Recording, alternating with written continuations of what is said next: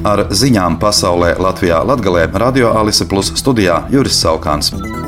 Azerbaidžāna šodien paziņoja, ka tās armija sākusi militāru operāciju konstitucionālās kārtības atjaunošanai de facto neatkarīgajā Kalnu Karabahā. Tiek ziņots par triecieniem Armēnijas un Kalnu Karabahas armijas objektiem. Baku arī apsūdzējusi Armēniju un Kalnu Karabahu teroristisku uzbrukumu organizēšanā. Par iemeslu apsūdzībām kalpo divi mīnu sprādzieni Kalnu Karabahas Azerbaidžānas kontrolētajā daļā. Pirmajā gadījumā uz mīnas uzbrauca valsts autoceļu dienesta automobīlis un gāja bojā divi dienesta darbinieki. Otrajā eksplozijā zaudēja zaudējuši dzīvību četri iekšlietu ministrijas darbinieki, kas devās uz notikumu vietu. Arī viņu automobīls uzbrauca uz mīnas. Radikālās klimata aktīvistu organizācijas Leste Generacion atbalstītāji vakar un šodien bloķē satiksmi vairākās Berlīnes vietās, turpinot protestus pret fosilā kurināmā izmantošanu. Šorīt satiksme bija traucēta desmit dažādās vietās, dažviet aktīvisti pielīmējušies pie asfalta, norāda policija. Situācijas risināšanā iesaistīti līdz 500 policistiem. Policija tīmekļa platformā X šoferus mudina saglabāt mieru un neiejaukties. Ņemot vērā Baltkrievijas realizēto nelegālās imigrācijas spiedienu, valdība šodien nolēma apturēt Silenes robežšķērsošanas vietas darbību uz Latvijas-Baltkrievijas robežas.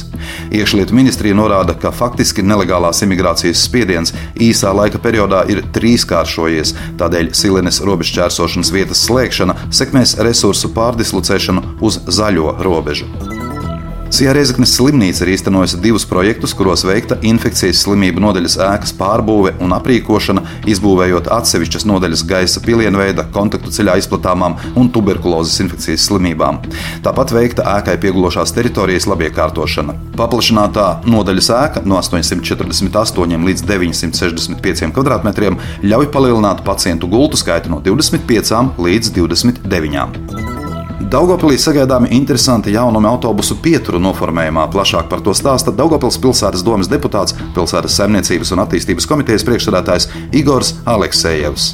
Pat tik garlaicīga lieta, kā sabiedriskā transporta gaidīšana, var kļūt interesanta un aizraujoša, ja tai piedot nedaudz radošuma. Daudzi cilvēki jau ir pamanījuši pieturvietu Jauneforštātē Aviņu ielā, kas tika nokrāsota pagājušā gada Eiropas projekta ietvaros. Šī tradīcija, kas ir ierasta daudzās citās Eiropas pilsētās, Daugopil ir iepatikusies. Daudzi iedzīvotāji gan klātienē, gan sociālajās tīklos stāstīja, ka viņiem iepatikās, kā ir pārveidota autobusa pietura un jautāja, vai tiek plānots apgleznot arī citas autobusu pieturas un pārvērst tās par eh, tādiem mākslas darbiem. Nu, ko lai saka, jūsu vēlme mūsu izpildījums ir īpaši tāpēc, ka arī man šī ideja ļoti patīk un to ar prieku atbalstīja arī būvvaldes vadītāja Santa Pupiņa un Saules skolas direktora Ingūna Kokina. Mēs vienojamies, ka Saules skolas audzēkņi, kā savu ieskaitas darbu, izstrādās skici autobusu pieturas nokrāsošanai un būvvalde palīdzēs ar virzienu, lai šādi vidas objekti mūsu pilsētā izskatītos pēc iespējas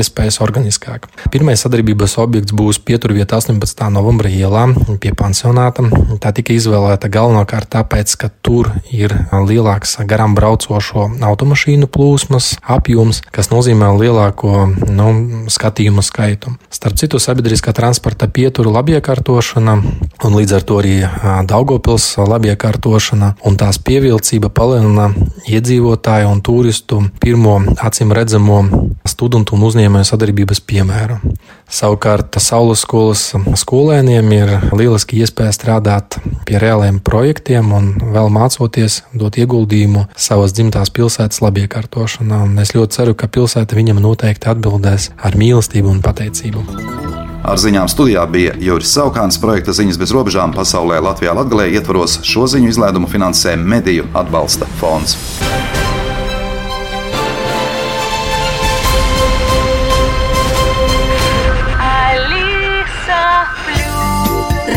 Radio